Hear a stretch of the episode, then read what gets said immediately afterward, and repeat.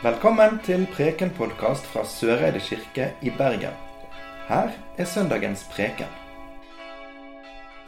Dette hellige evangeliet sto skrevet hos evangelisten Lukas.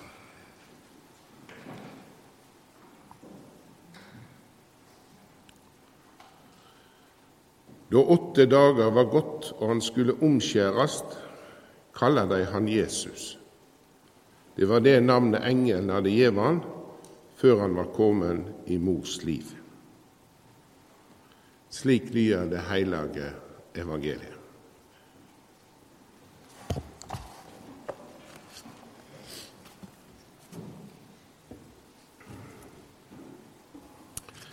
Ja, vi hilser hverandre med godt nyttår.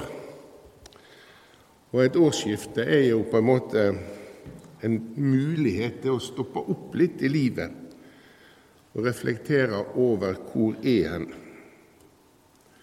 Og når jeg ser bakover mot det året som har gått, 2022, så tenker jeg på korona og på krig, på dyrtid, krympflasjon, strømpriser og rente. Det er mye i dette året som vi kan se tilbake på og tenke at det er vanskelige ting som har møtt oss. Saker som på ulikt vis har grepet inn i hverdagen vår og i livet vårt. Og Vi har vel kanskje med oss en sånn forestilling om at verden går alltid framover. Men vi burde etter hvert skjønne at så er ikke tilfellet. Noen ganger så går ikke verden framover, men den går heller tilbake. Og Noen ganger så møter livet oss på utfordrende måter. Eh, andre ganger så møter vi ting vi ikke klarer å få til, eller det kan være naturen som griper inn i liv og lag. Så kan en spørre hvor er en sjøl henne i livet? Og Vi som sitter her i kirka nå, kan vel med handa på hjertet si at vi har aldri vært så gamle i våre egne liv som vi er akkurat i dag. Og vi veit veldig lite om hvordan vårt eget liv kommer til å bli framover. Dagen første nyttårsdag det er også Jesu navnedag. Og Etter forskriftene i første Mosebok kapittel 17 så skulle alle menn omskjæres på den åttende dagen etter fødsel. Og Omskjæringa det er det som var paktteiknet mellom Abraham og Gud paktteiknet som er knytta til lovnaden om at Abraham skulle bli standfar til en mengd med folk og folkeslag. Og Da Abraham fikk disse lovnadene som ble innstifta med omskjæringa, så var han sjøl 99 år gammel, og kona Sara var 90. Og I første Mosebok så står det beskrevet at når Abraham fikk høre dette her ifra Gud, så kasta han seg ned på jorda og lo. For det var så utenkelig for en så gammel mann. Men så viste det seg etter hvert at disse lovnadene de var riktige. Og I denne korte teksten vi las fra Lukasevangeliet, så møter vi Maria og Josef som kommer til tempelet med den førstefødte gutten. Han var omskåren etter forskriftene, og de gav han navnet Jesus. Men så kommer jo spørsmålet var det navnet Jesus de gav ham. Språket som Josef og Maria snakka, det var aramesk. Og Navnet Jesus det ble skrevet med hebraiske eller arameiske tegn. Og Skulle vi omsette det lyd for lyd til norsk, vil det, vil det bli mer som Jeshuba og ikke Jesus. Da evangeliene ble skrevne ned, så ble de skrevne på koiné-gresk. Og Da omsetter de det arameiske navnet av Jesus til IESOUS, IESOS, uten J. Og Så har vi òg ei eldre omsetning av Det gamle testamentet, fra hebraisk til gresk, som er skrevet ned omkring 300 år før Jesu fødsel. Den heter Septuaginta, og den står inne i hylla mi her inne. Og jeg gikk og sjekka litt i den. Og I den Septuaginta-omsetninga av Det gamle testamentet så fant jeg det samme navnet i Esos som er skrevet i Det nye testamentet. Men det er ikke navnet på Jesus i en profeti eller lignende. I stedet så er det navnet på Josva, en av disse utsendingene som Moses sendte inn i Kanainlandet før jødene invaderte det. Og Det var Josva som førte israelittene inn i det lova landet. Så Josva og Jesus var kanskje samme navnet. Og I King James' si bibelomsetning fra 1624 så bruker en fremdeles IESUS, altså uten J, som navnet på Jesus. Så navnet Jesus det er altså sannsynligvis vokst fram omkring på 1700-tallet. Så hva navn ga egentlig de han? Og har det noe å si for oss i dag? Vi kjenner jo Jesus som Jesus, og ikke som noe annet. Og Det vil alltid være sånn at språk, når jeg skal omsette fra ett språk til et annet, så, eh, så, er det noe som blir tapt, eller noe som blir forandra. Men jeg er ganske sikker på at når vi i vår sammenheng bruker ordet Jesus i dag, så er det ikke så mye tvil om hvem vi, vi tenker på. Men at de ga navnet Jesus, ja, kanskje heller Jeshua eller noe i den retningen var det egentlig navnet han fikk denne dagen. Og Så leser vi i tidligere evangeliet at dette navnevalget for Maria og Josef det var enkelt. For engelen hadde jo sagt til Maria på forhånd at du skal kalle han eh, Jesus. Og, og, Litt tidligere i evangeliet så leser vi Vær ikke redd, Maria, for du har funnet nåde hos Gud. Hør, du skal bli med barn og få en sønn, du skal, du skal gi ham navnet Jesus. Han skal være stor og kalles sønn til den høgste. Herren Gud skal gi ham en kongsstol til David, far hans. Han skal være konge over Jakobs hus til evig tid. Det skal ikke være ende på kongedømmet hans. Og Andre steder så kan vi lese at navnet Jesus det betyr Herren frelser. Dette med navn er jo litt spesielt for oss, da.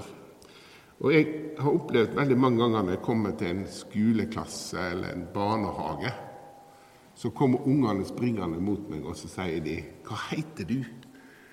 Jeg er sikker på mange her har opplevd det samme. 'Hva heter du?' Og Da er det viktig for barna å finne et 'Hvem er du?' Da spør de etter navnet ditt, for da klarer de å identifisere deg og holde fast på ok, du er du, og jeg er jeg. Og Det er viktig, og det er måten, på, det er måten vi navigerer mellom oss mennesker på. En trenger dette navnet for å holde på hvem den nye personen er. Og Det viser seg òg at det navnet vi sjøl har, det er med å påvirke identiteten vår. Altså hvordan vi forstår oss sjøl. Det er en forskningsartikkel på forskning.no fra ca. ti år tilbake. Der det var ei som tok en doktorgrad på akkurat dette her. Hvordan navnet vårt er med å forme hvem vi, vi oppfatter oss sjøl som. Og Når en er ung i livet, så er det for mange et veldig sterkt ønske om å skaffe seg et navn. Det at navnet er kjent for noe positivt, det kan omsettes i rene penger etter hvert.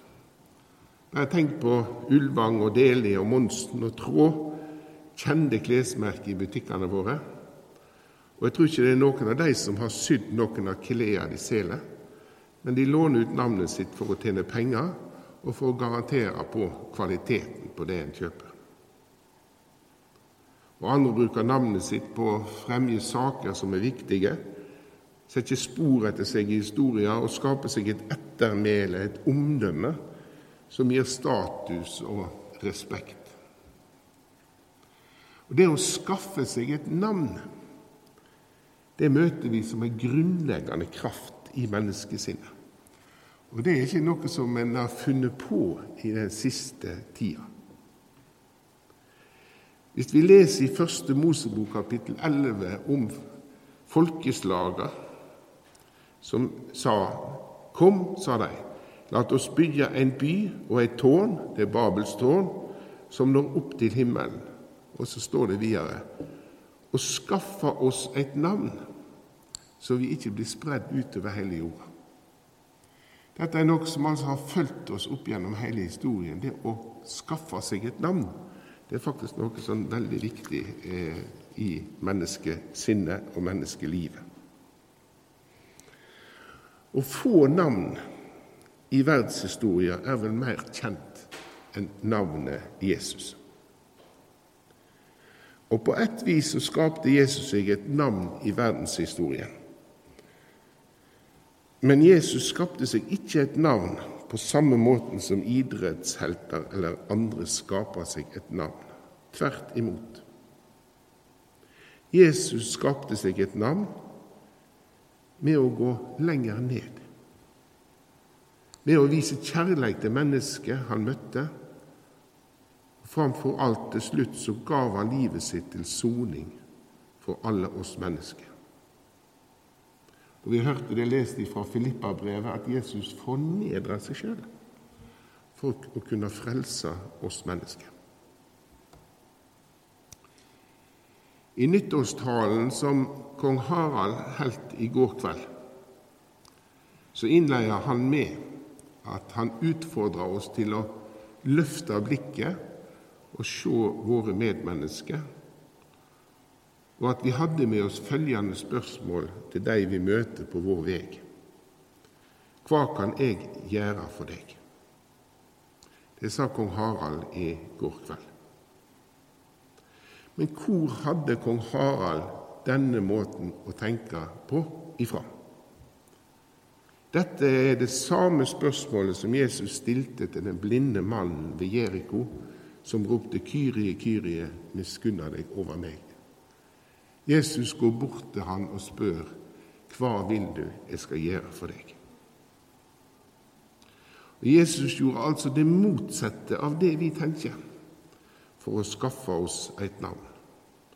Og på den måten så viste Jesus oss hvordan Guds rike er. Guds rike er ikke makt og respekt, rikdom og ære. Å være en del av Guds rike, det er å gå den motsatte veien. Ikke slik at vi trenger å utslette oss sjøl, men heller slik at vi kan tenke at samme hvor vi er i livet, samme hva som møter oss på veien, så har Jesus vært der. Og så ligger det ei utfordring her og venter på oss. Og jeg tenker Det spørsmålet vi kan ta med oss videre, er jo hva slags navn er det vi vil skaffe oss? Og hvordan vil vi gjøre det? Vil vi følge folkeslaga i Babel, kaste oss på karusellen for å skape oss et navn? Eller vil vi følge Han som skapte seg et navn med orda?